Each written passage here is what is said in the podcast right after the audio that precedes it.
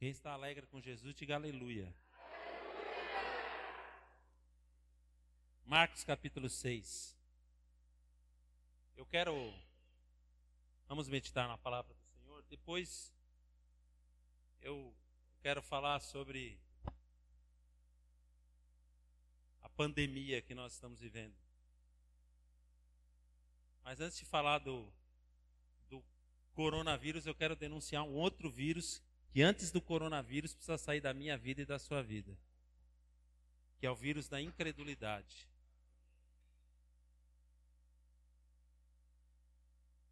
Marcos capítulo 6, do versículo 1 até o 6.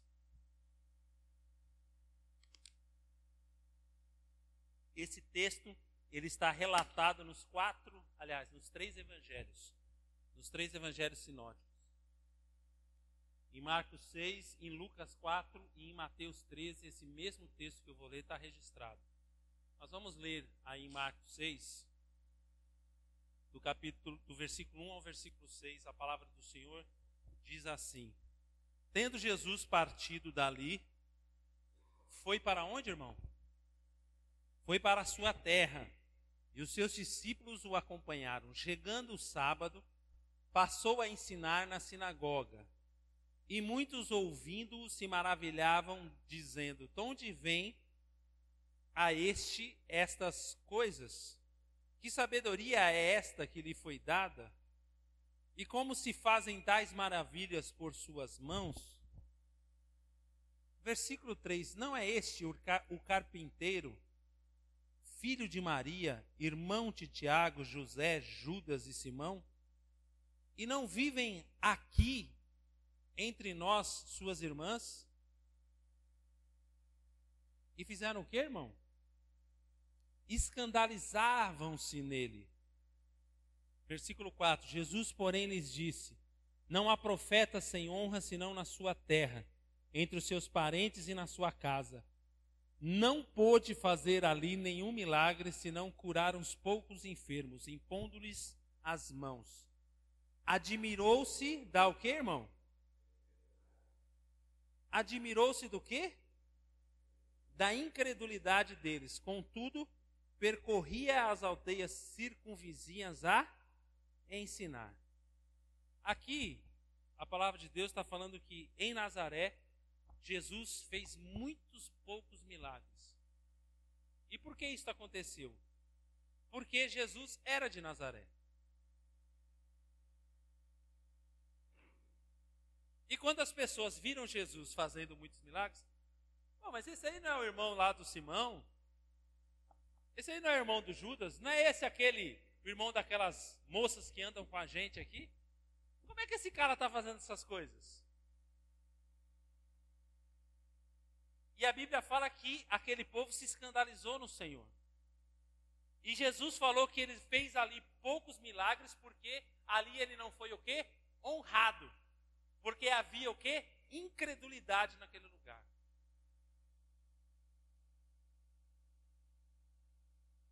Então, o, o vírus da incredulidade que precisa sair do meu coração, do seu coração e do coração da igreja nessa noite se chama familiaridade. E eu vou, eu vou explicar e você vai entender. A igreja, na Bíblia, é comparada com uma família. Mas ser família é uma coisa, ter familiaridade é outra coisa, e ter intimidade é outra coisa. Deus nos chama para sermos família, para termos intimidade, não familiaridade. Porque a intimidade gera fé. Agora, a familiaridade gera o quê? Incredulidade. A intimidade gera fé, mas a familiaridade gera desprezo, gera desvalorização, gera insensibilidade, gera o quê? Desonra. A intimidade nos leva a conhecer mais, a desejar mais, a buscar mais. A familiaridade nos leva ao desprezo. Quando você fica muito familiar com aquela coisa, você começa a olhar para aquela coisa como uma coisa comum. E você, quando você começa a olhar para aquilo de forma comum, você não dá o devido valor. E quando você não dá o devido valor, você desonra. E quando você desonra, o que entra no seu coração é incredulidade.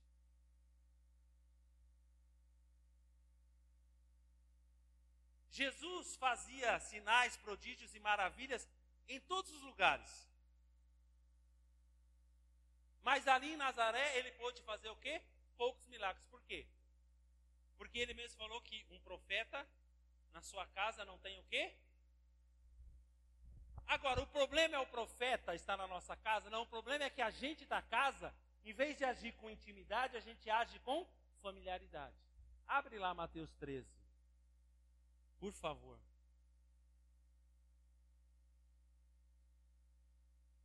Versículo 57.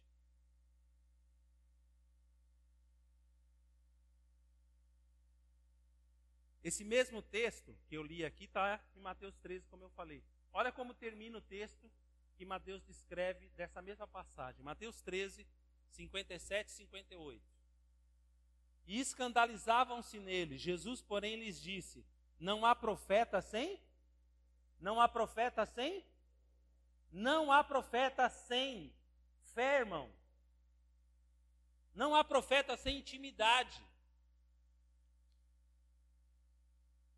Jesus, porém, lhes disse: Não há profeta sem honra, senão na sua terra e na sua casa. Versículo 58. E não fez ali muitos milagres por causa do que, irmão? E essa incredulidade deles se manifestaram através do que? De familiaridade. Porque a familiaridade fez com que eles o quê? Desonrassem a Jesus. E sem honra, o profeta, não há espírito de fé, não há ambiente profético, e ali Deus não pode mover sinais, prodígios e maravilhas. Então, olha nos lindos olhos azuis da pessoa que está do teu lado e fala assim: entenda, meu irmão. Uma coisa é familiaridade e outra coisa é intimidade. Amém? A Bíblia nos chama para sermos o quê? Íntimos do Senhor.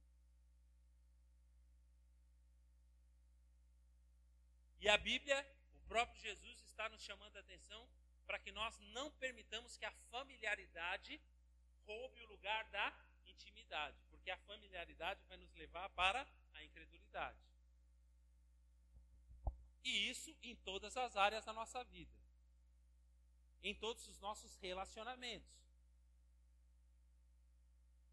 Vou voltar aqui, há duas semanas atrás eu falei da cruz. Relacionamento vertical e relacionamento horizontal. No relacionamento vertical, quando nós agimos com familiaridade com Deus, isso nos leva a um ambiente de incredulidade. E na incredulidade, o milagre de Deus não pode acontecer. Mas eu vou explicar essa questão do nosso relacionamento, essa familiaridade no relacionamento vertical um pouco mais para frente. E no relacionamento horizontal, isso também ocorre? Ocorre. Abre lá 1 Pedro, por favor. 1 Pedro, capítulo 2, versículo 17 e versículo 18.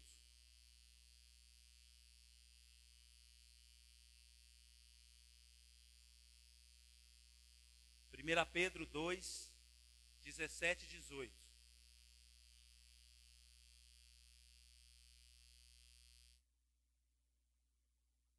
Tratai todos com que, irmão? Com honra. Tratai alguns com honra? Todos. Todas as pessoas do nosso relacionamento horizontal devem ser tratadas com honra. O fato da gente ser família, o fato da gente morar junto, o fato da gente conhecer um ao outro, isso não nos dá o direito de agir com desonra no nosso relacionamento. Ah, mas eu te conheço. Ok, você me conhece. Isso tem que nos levar para a intimidade, não para a familiaridade, porque a familiaridade vai nos levar para a desonra. E aonde há desonra, não há fé, e onde não há fé, não há poder de Deus. Irmão, para o poder de Deus se manifestar na minha casa, precisa ter um ambiente de fé. E uma das coisas que quebra o ambiente de fé dentro da minha casa, da minha família, é a familiaridade. E essa familiaridade se reflete quando nós não damos o devido valor àquilo que nós temos, ou às pessoas que nós temos. Segue o texto. Tratai todos com honra. Amai os irmãos. Temei a Deus. Honrai o rei. Servos, sede submissos com todo temor ao vosso Senhor. Não somente se for bom e cortado, mas também ao perverso. A questão da honra não está se a pessoa é boa ou ruim, a questão da honra está em honrar. 19. Porque isto é o quê? Isto é grato. Que alguém suporte tristeza, sofrendo injustamente por motivo de sua consciência, para com quem, irmãos? Para com Deus. Ah, pastor, mas eu faço isso com o meu chefe porque ele é ruim. A Bíblia te dá o direito se você desonrar o seu chefe porque ele é ruim?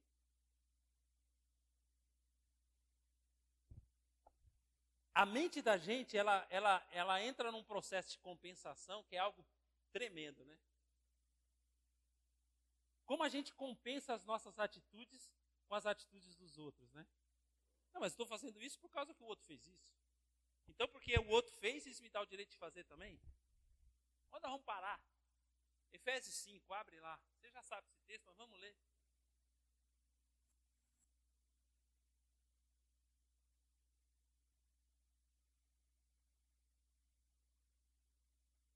já falei aqui, já em algumas pregações já falei isso. Vira e mexe lá em casa, tem que parar e a gente cria a semana da generosidade. Porque vai passando o tempo, a gente, a gente vai ficando tão familiar que a gente começa a tratar as pessoas de casa de qualquer jeito, né? E a gente esquece que apesar de sermos família, nós devemos honrar uns aos outros.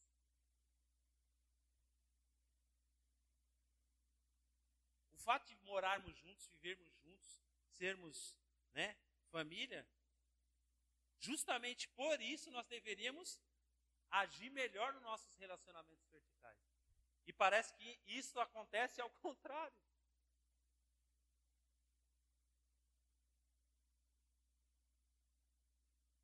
A Bíblia tá, tem, tem esse texto, tem Efésios, tem 1 Pedro. A Bíblia está repleta de textos que falam que nós devemos nos relacionar de forma correta. Achou Efésios 5?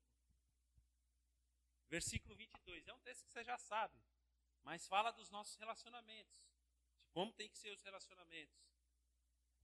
Efésios 5, 22. As mulheres sejam submissas ao seu próprio marido como ao Senhor, porque o marido é o cabeça da mulher, como também Cristo é o cabeça da igreja, sendo este mesmo o salvador do corpo. Como, porém, a igreja está sujeita a Cristo, assim também as mulheres sejam em tudo submissas ao seu marido. Maridos, amai vossa mulher como também Cristo amou a igreja e a si mesmo se entregou por ela, para que a santificasse, tendo-a purificado por meio da lavagem de água pela palavra, para a apresentar a si mesma igreja gloriosa, sem mácula, nem ruga, nem coisa semelhante, porém santa e sem defeito. 28. Assim também os maridos devem amar a sua mulher como ao seu próprio corpo. Quem ama a esposa, a si mesmo se ama. Porque ninguém jamais odiou a própria carne, antes a alimenta e dela cuida, como também Cristo faz com a igreja, porque somos membros do seu corpo. Eis que deixará o homem a seu pai e a sua mãe, se unirá à sua mulher e se tornarão os dois uma só carne. Grande é esse mistério, mas eu me refiro a Cristo e a igreja. Não obstante, vós, cada um per si, também ame a própria esposa como a si mesmo, e a esposa, e a esposa, respeite o marido. Aí você está aí, bom, eu não sou marido, não sou mulher, estou livre. Não. Efésios 6, versículo 1. Filhos, obedecei os vossos pais no Senhor, pois isto é justo. Honra o teu pai e a tua mãe, que é o primeiro mandamento com promessa, para que te vá bem e sejas de longa vida sobre a terra. E vós, pais, não provoqueis vossos filhos a ira, mas criai-os na disciplina e na admoestação do Senhor. Amém?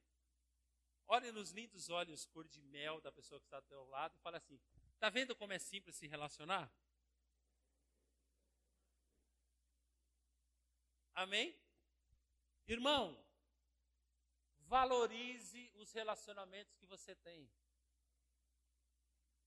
Honre os relacionamentos que você tem. Não permita que a familiaridade te leve à incredulidade nos seus relacionamentos. Irmãos, nós vivemos uma incredulidade das pessoas nas pessoas. Pais não acreditam em filhos, filhos não acreditam em pais. Antigamente a, a palavra da gente bastava. Hoje, até para fazer negócio com filho, tem que assinar contrato e reconhecer no cartório. Porque alguém vai roer a corda. Por quê? Porque ninguém honra mais nada. Ninguém mais tem fé no relacionamento, ninguém mais tem fé nas pessoas, ninguém acredita nas outras pessoas. E por que isso veio? Porque nós passamos a desonrar a gente de qualquer forma, achar que tudo é natural, ah, tudo é assim mesmo. E o mundo está fazendo isso, e nós, como igreja, estamos indo na onda do mundo, quando nós, como igreja, deveríamos ser a contramão do que o mundo faz. O mundo pode fazer isso, mas nós estamos no mundo, mas nós não somos do mundo.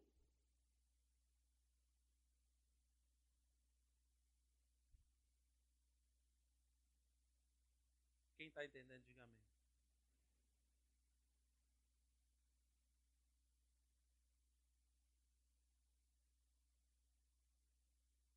Vamos. Eu quero me ater mais à questão do, da familiaridade do nosso relacionamento vertical. A familiaridade do nosso relacionamento vertical com Deus também pode gerar incredulidade no nosso coração. Deus nos chamou para sermos íntimos. Fala para quem está do teu lado. Deus te chamou para que você seja íntimo dele. Salmos 25, 14. A intimidade do Senhor é para aqueles que o temem. A estes, e somente a estes, ele dará a conhecer a sua aliança. Os segredos de Deus, ele só revela para quem é íntimo dele. Mas para ser íntimo dele, você tem que temer o Senhor, você tem que honrar o Senhor. Você tem que ter um relacionamento correto então eu vou usar uma figura lá no Antigo Testamento para a gente trazer algumas verdades, para a gente aprender algumas verdades e repreender esse espírito de familiaridade do nosso meio, da nossa vida, em nome de Jesus. Amém? O que representava a presença de Deus lá no Antigo Testamento no meio do povo de Deus? Bem forte. A arca da aliança. Amém? A arca da aliança representava a presença de Deus no meio do povo. Então, se relacionar com a arca era se relacionar com Deus, com a presença de Deus. Amém ou não amém? Aí tinha um povo que era o povo de Deus, tal, mas foi passando o tempo e aquele povo foi tratando a presença de Deus de qualquer forma. Por quê? Porque começou a ficar familiar. E as coisas vão ficando familiares e a gente não dá o devido valor e começa a relaxar e trata de qualquer jeito.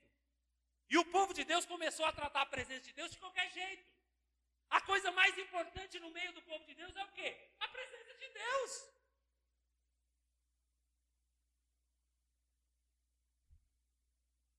Irmãos, nós somos o quê? A igreja de Deus. Qual a coisa mais importante na igreja? A presença de Deus. Só que a gente dá mais importância para o calendário, para os afazeres, para os programas, do que para a presença de Deus. Irmão, o problema não é quantas vezes você vem para a igreja.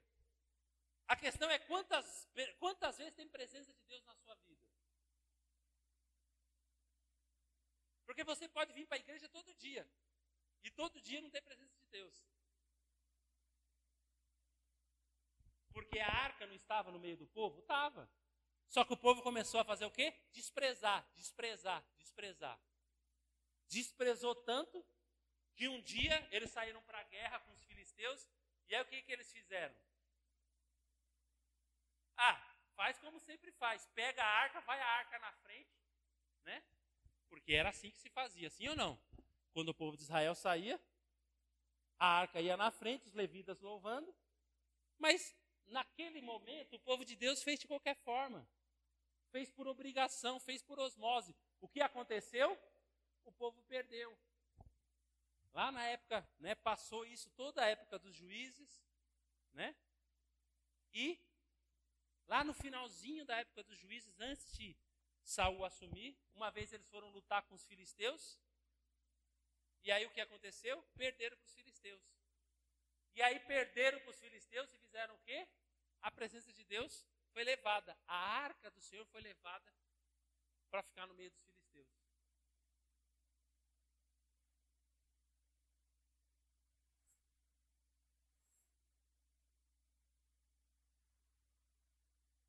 E aí colocaram a, a arca lá no templo de Dagon. O que aconteceu? No outro dia, Dagon caiu pum, com a cabeça cortada no chão. Aí os filisteus falaram o quê? Essa droga dessa arca. Os filisteus que eram incrédulos deram mais honra para a arca do que os filhos de Deus. Aí os filisteus, tira esse negócio daqui. E aí a arca de Deus se perdeu foi parar em algum lugar. Mas a Bíblia fala que se levantou um homem chamado Davi. E a coisa que ele mais desejava era o quê? Presença de Deus. Irmãos, deixa eu fazer uma separação aqui. Deus está neste lugar, sim ou não? Como que Deus está neste lugar?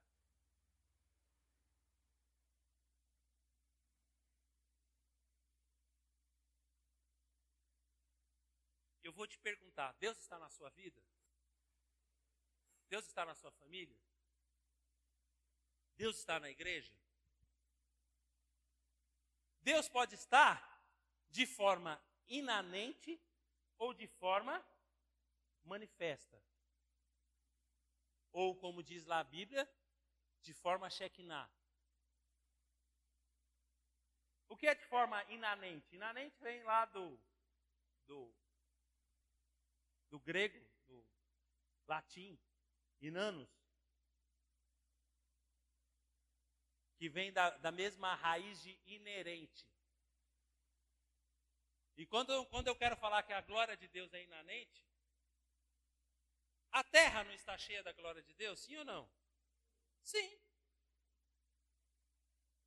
Se eu for lá no Poupa Tempo amanhã, sete horas da manhã, pegar a fila para fazer a renovação da minha CNH, do meu RG. Lá vai estar cheio da glória de Deus, sim ou não? Sim ou não, irmão? Sim, irmão. Porque como tem como separar Deus da sua glória? Porque é inanente, é inerente a Deus ter a sua glória. Dá para separar Deus da glória dele? Não. Então, quando eu falo que uma coisa é inanente, quando eu falo que uma coisa é inerente, porque não tem como separar a pessoa daquilo que ela faz. É inerente. Exemplo, Salmos 19, 1. Os céus proclamam a glória de Deus, e o firmamento anuncia as obras da sua mão. Irmão, qualquer um não precisa ser crente, não precisa ser PhD. Quando olha para o universo e para a criação, vê Deus ou não vê? É inerente que tem algo maior em que o, o ser humano tem que acreditar, sim ou não? Por isso que tem um monte de religião. E aí tentam explicar, né? A criação, a religião, um monte de coisa. Mas é inerente acreditar que existe alguém superior que faz todas as coisas? Aí vem as religiões, cada um dá um nome, né? ah, esse ser superior é isto, é, é aquilo, é aquilo outro. Nós sabemos que esse ser superior que faz todas as coisas e que manifesta a sua glória e, e não tem como separar ele da sua glória se chama Deus, o Todo-Poderoso Criador dos céus e da terra. Amém? Então, irmão, a glória de Deus está neste lugar? Sim, de forma inanente.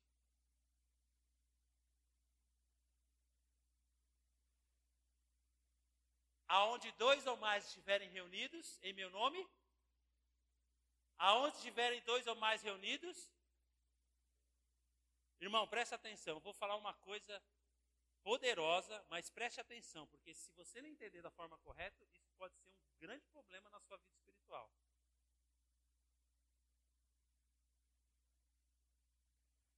Deus não está aqui porque você é bom. Deus está aqui porque é inerente Ele estar aqui.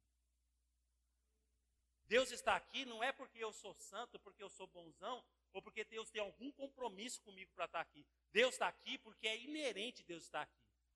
Ele falou: onde estivessem dois ou mais reunidos no nome dele, ele estaria lá. E mesmo que você esteja em pecado, mesmo que você esteja com problema, mesmo que você esteja com dor, se você estiver lá em nome de Jesus, ele vai estar lá. Porque é inerente da glória dele, não tem como separar Deus da glória dele. Nem o seu pecado separa Deus da glória dele.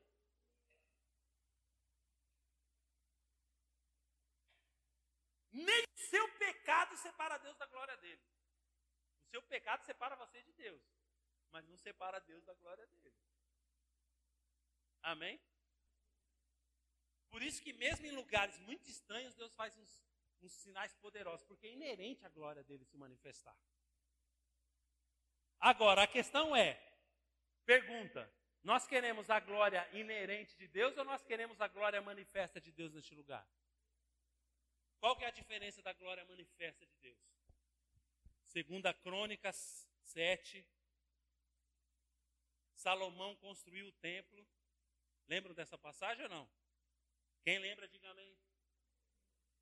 Quem lembra, diga glória a Deus. Quem não lembra, diga eu vou ler a Bíblia mais.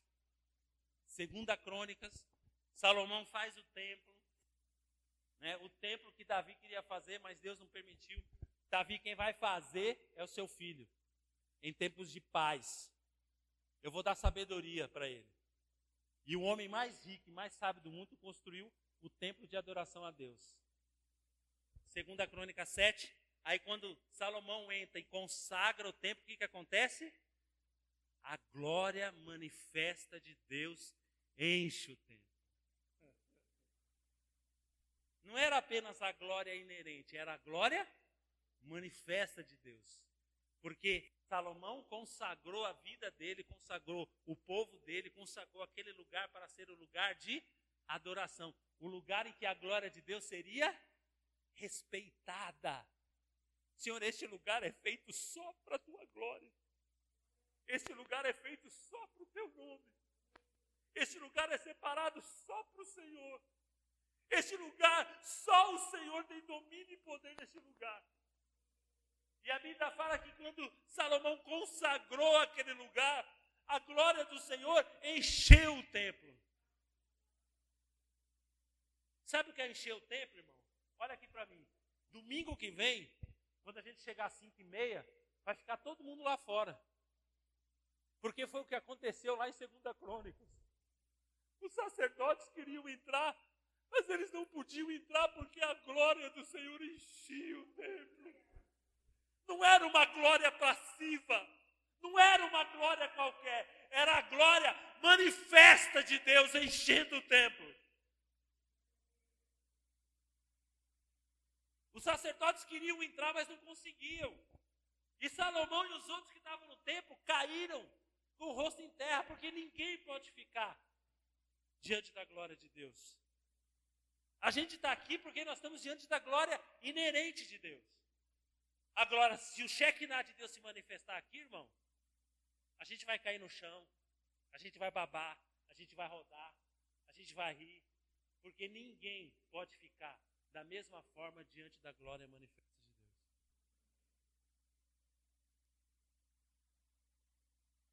Quando a glória de Deus se manifesta, algo diferente acontece.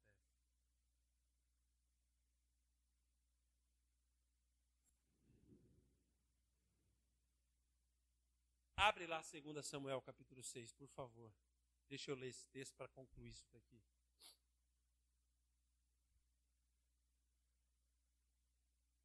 Segunda Samuel capítulo 6.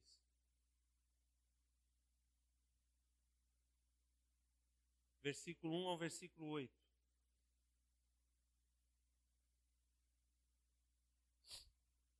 Pergunta para o seu irmão, irmão, está entendendo a palavra ou não?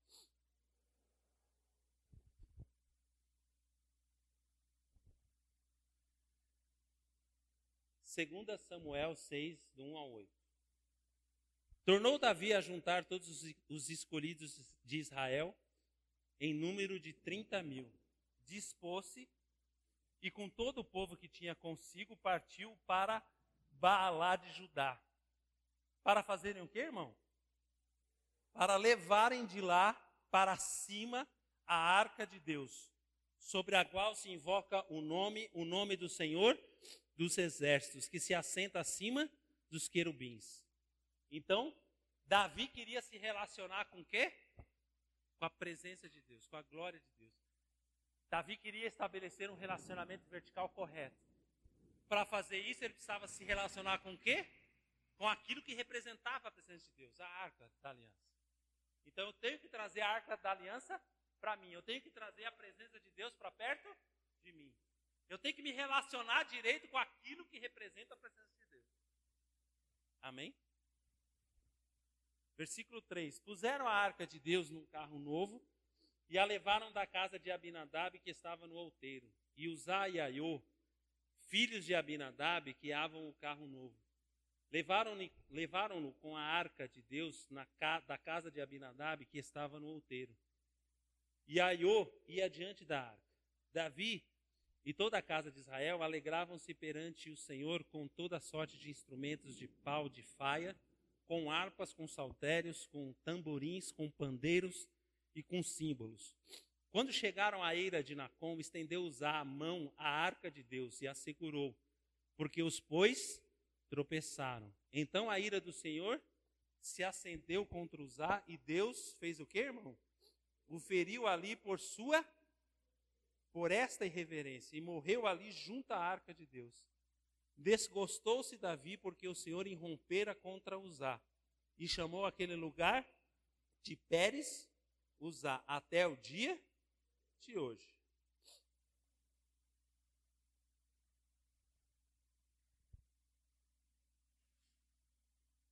a arca ficou lá.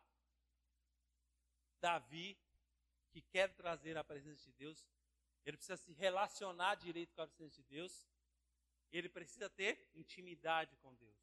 Para ter intimidade com Deus, ele quer trazer Deus para perto dele. E ele vai buscar a arca para que a presença de Deus esteja perto dele, para que ele tenha intimidade com Deus. Agora, o problema é que para chegar na intimidade, nós temos que vencer a familiaridade. Porque a intimidade vai nos levar à fé. A familiaridade vai nos levar à incredulidade que luta contra a fé. Então, se você está anotando, anote aí quatro coisinhas, quatro, quatro coisas que nós aprendemos aqui e que nós não podemos fazer, porque essas coisas vão quebrar o nosso relacionamento com Deus. Essas coisas são familiaridades e não podem estar na nossa vida. Primeiro, cuidado com a familiaridade com as coisas espirituais.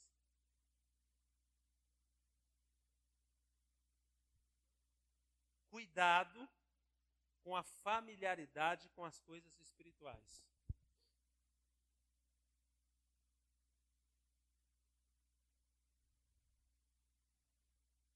Eu posso, eu posso deduzir algumas coisas dessa história? Posso ou não, irmãos? Posso ou não, irmãos? Davi queria trazer a arca para perto dele, não queria? Davi sabia como fazer isso? Não. Porque a arca do Senhor já estava muito tempo longe dele. Abre, você está em 2 Samuel? Abre o capítulo 7. Aliás, perdão, 1 Samuel 7. 1 Samuel capítulo 7.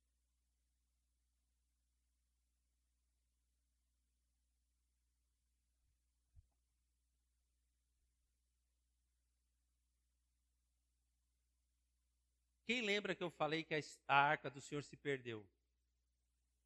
A arca do Senhor se perdeu, foi para os filisteus e os filisteus não quiseram mandar ela embora. E a arca ficou peregrinando. Versículo 1, 1 Samuel 7. Então vieram os homens de Kiriat Jearim e levaram a arca do Senhor à casa de quem? A casa de Abinadab. Antes, 1 Samuel 7, de Juízes 18, quando se perdeu até 1 Samuel 7, se passaram vários anos. A arca foi para os filisteus, foi para outro lugar e ficou rodando. E aí, num determinado momento, alguém foi, pegou a arca e levou para onde? Para casa de. Da onde Davi foi buscar a arca? Da casa de Abinadab. Está entendendo a história ou não? Então vieram os homens de Kiriat Jearim e levaram a arca do Senhor à casa de Abinadab, no outeiro. E consagraram Eleazar, seu filho, para que guardasse a arca do Senhor. Sucedeu que, desde aquele dia, a arca ficou em Kiriat Jearim, e tantos dias se passaram que chegaram a quanto tempo, irmão? A arca do Senhor, que representava a presença de Deus no meio do povo, ficou na casa de Abinadab quanto tempo? Imagina, Eudimar, uma coisa lá na sua casa, 20 anos. pastora Josiana já está em pânico de imaginar alguma coisa 20 anos em casa pegando pó. 20, com 5 a gente. Estou enjoado, vamos trocar isso daqui? Sim ou não, irmão? Quem tem sofá 20 anos aqui em casa? Quem tem sofá 20 anos, o mesmo sofá 20 anos em casa? Por que, que você não fica 20 anos com o mesmo sofá? Ah, pastor, estraga. E vamos imaginar que ele não estragasse.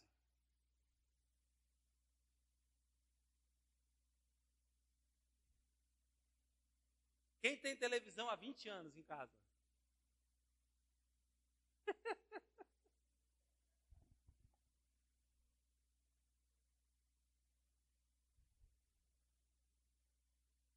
Quem já foi na casa da avó que tem aquelas cristaleiras, aqueles móveis de madeira antigo? Quem já foi? Aquela cristaleira está na casa da avó há quanto tempo? Toda vez que você. Já está acostumado a ir na casa da avó, está a cristaleira lá do mesmo jeito há 50 anos. Não é assim? Hã? Irmão, imagina a arca do Senhor lá na casa de Abinadab. Como é que Uzá e Aiô olhava para aquilo? Como se fosse o móvel da casa deles. Era mais um móvel. Tanto que Davi não sabia o que fazer. Davi sabia como levar a arca para a presença de Deus? Não. Aí ele perguntou para quem? Para o tio dele, para Abinadab, perguntou para quem? Para os filhos, para usar Iaiô. E quem que subiu no carro de boi para levar? Usar Iaiô, que era o quê? As pessoas que estavam acostumadas a fazer aquilo todo dia. E por quê que eles usaram um carro de boi? Eles usaram um carro de boi porque os filisteus usaram o que para levar a arca para lá? Um carro de boi.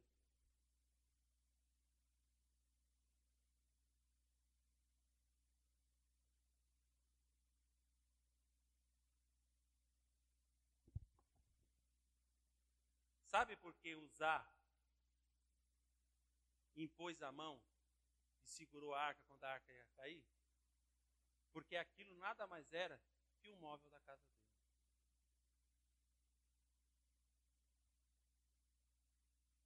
enxergava que aquilo era presente. Irmão, olha aqui para mim. Quem já imaginou Deus, Deusão? Quem já sonhou com Deus? Nunca sonhou com Deus? Ah, cara, vocês são ruins de imaginação, velho. Irmão, como é que você imagina Deus? Um velhinho, branquinho, destentado, de muleta. Hã? Irmão, alguém precisa segurar Deus, irmão?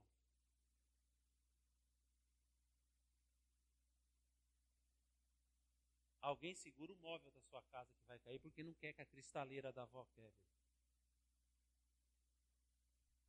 Quem está entendendo a palavra de Deus?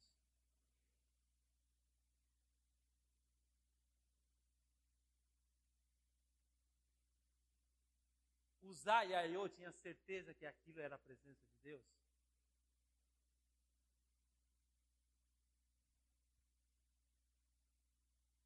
Segundo, está anotando? Anota aí.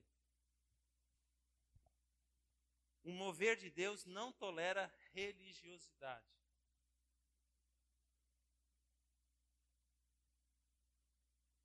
O mover de Deus não suporta, não tolera religiosidade. Irmão, vamos ser honestos. Olhando do ponto de vista humano, não foi, não foi legal o que Uzá fez? Poxa, pastor, a arca ia cair, ele segurou. Para que essa braveza toda de Deus para matar o cara? Eu fiz com a maior das intenções no meu coração, Jesus. Irmão, olha aqui para mim. Quantas vezes você já pensou essa frase, já falou essa frase? Poxa Deus, mas eu fiz com a maior das boas intenções. Irmão, boa intenção é religiosidade.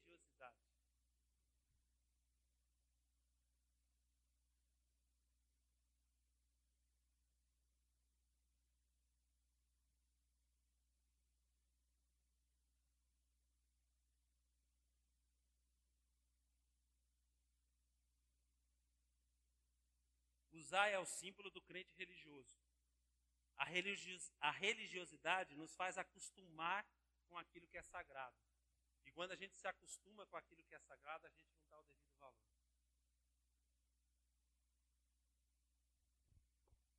Jesus conta a parábola de um cara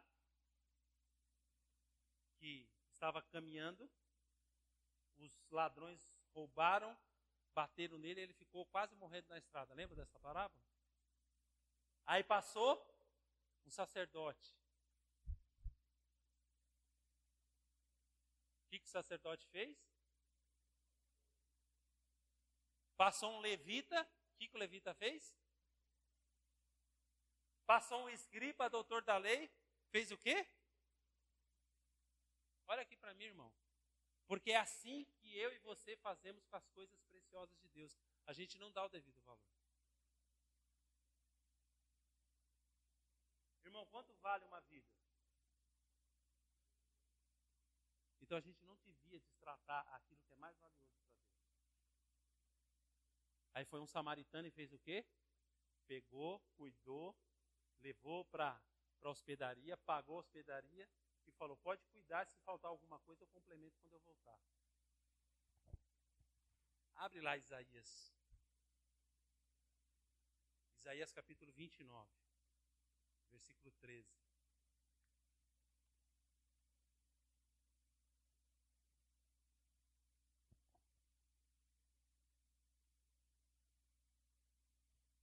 O Espírito de Deus se move no ambiente profético.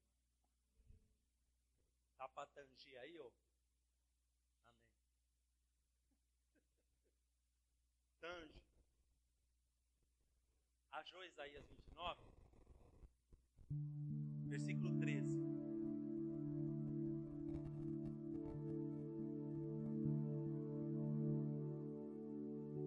O Senhor disse: Visto que este povo se aproxima de mim, e com a sua boca e com seus lábios me honram, mas o seu coração está o quê? Esse é o religioso.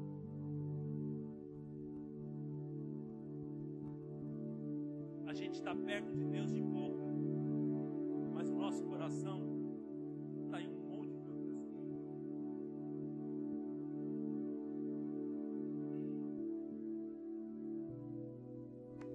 A gente está na igreja pensando no que, que a gente vai fazer na semana que vem.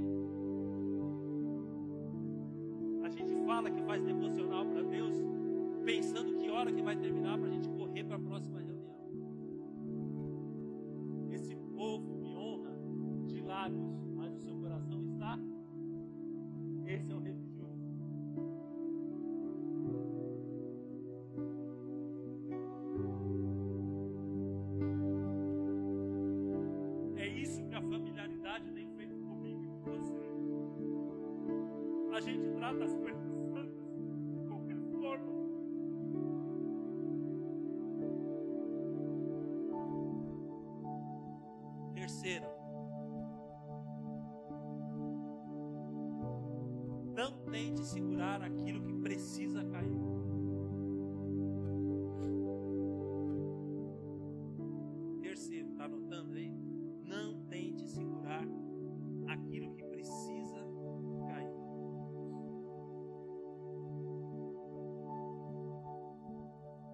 você lê lá Êxodo 25. Como é que a arca tinha que ser transportada?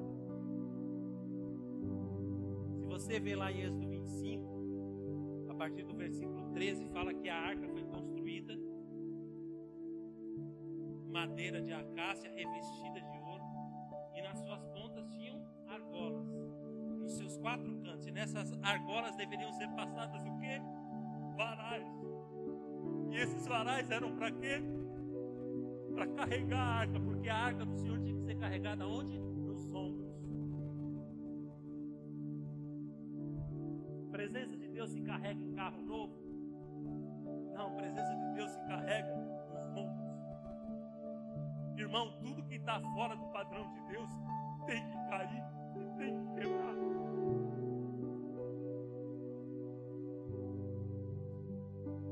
As coisas da casa de Deus não podem ser feitas do jeito que eu quero, tem que ser feita no padrão de Deus. Deus tem um padrão para as coisas dele. Olha aqui para mim, irmão. Eu amo a modernidade. Eu confesso que muitas vezes eu sou um retrógrado, mas sabe por que eu sou retrógrado? Porque eu tenho medo de perder o padrão de Deus. A gente pode modernizar?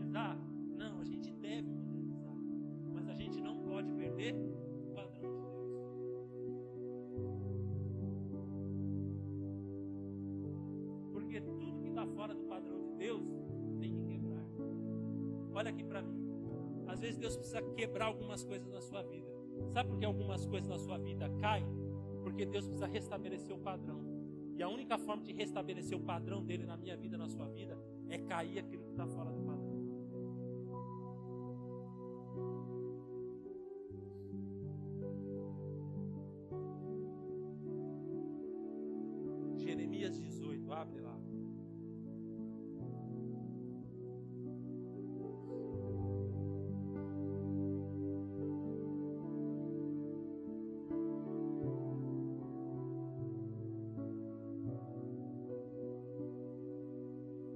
Versículo 1, Jeremias 18.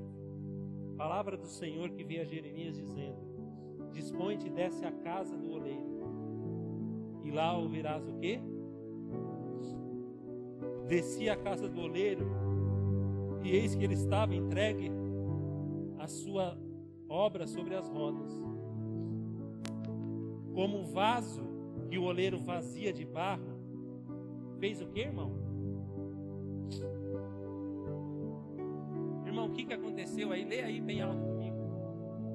Como o vaso que o oleiro vazia de barro, fez o quê? Às vezes o oleiro está fazendo barro, o vaso, o que, que acontece com o vaso? Ele trinca.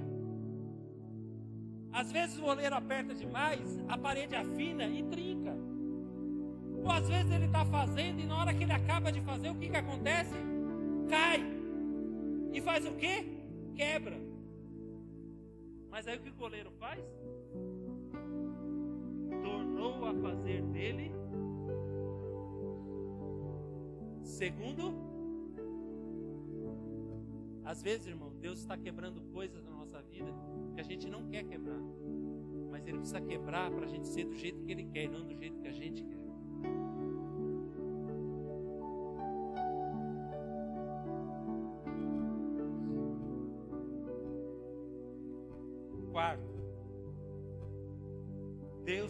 Pessoas que obedeçam às suas ordens. Quarto, Deus quer pessoas que obedeçam às suas ordens.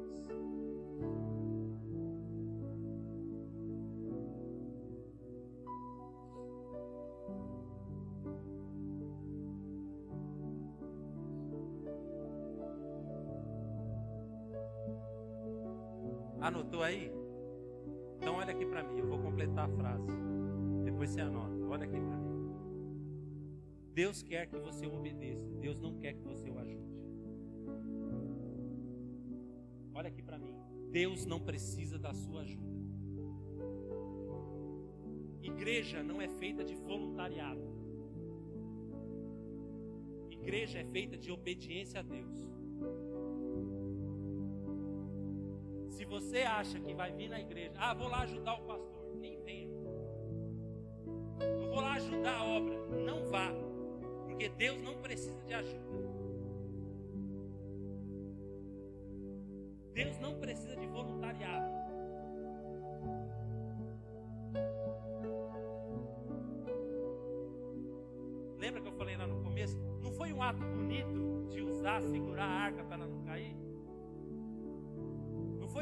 voluntarioso, alguém se dispôs a segurar para a arca não cair. Mas Deus precisa de voluntariedade? Não, Deus precisa de obediência.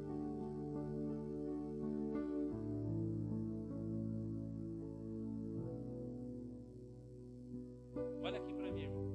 Deus mandou fazer? Faça. Deus não mandou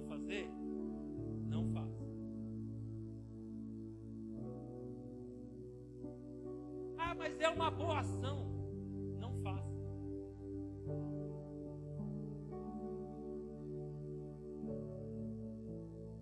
Deus não precisa da minha ajuda e da sua ajuda para se, se sustentar. Deus não precisa do meu voluntariado para ser Deus. É eu que preciso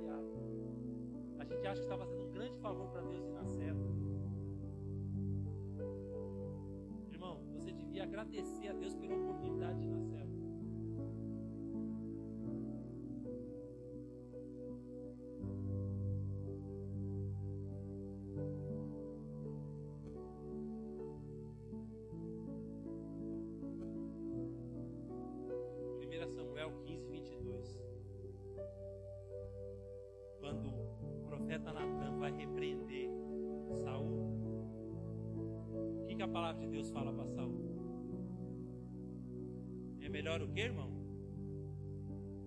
É melhor o que? Ah, eu estou fazendo um grande sacrifício de vir na igreja. Eu estou fazendo um grande sacrifício de ir na célula. Eu estou fazendo um grande sacrifício. Irmão,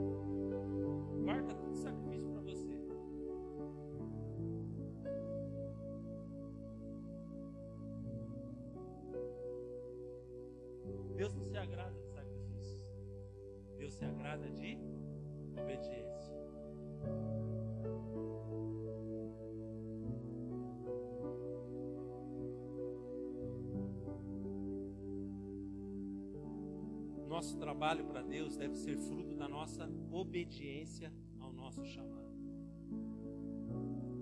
Nosso trabalho para Deus deve ser fruto da nossa obediência a Deus, do nosso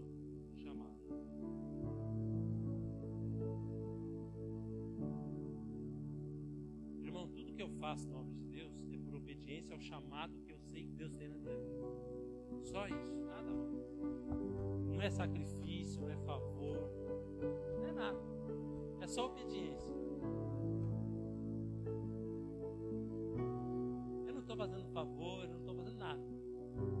simplesmente obedecendo ao chamado que Deus tem para vida. Quem entendeu, diga amém. Fica de pé em nome de Jesus.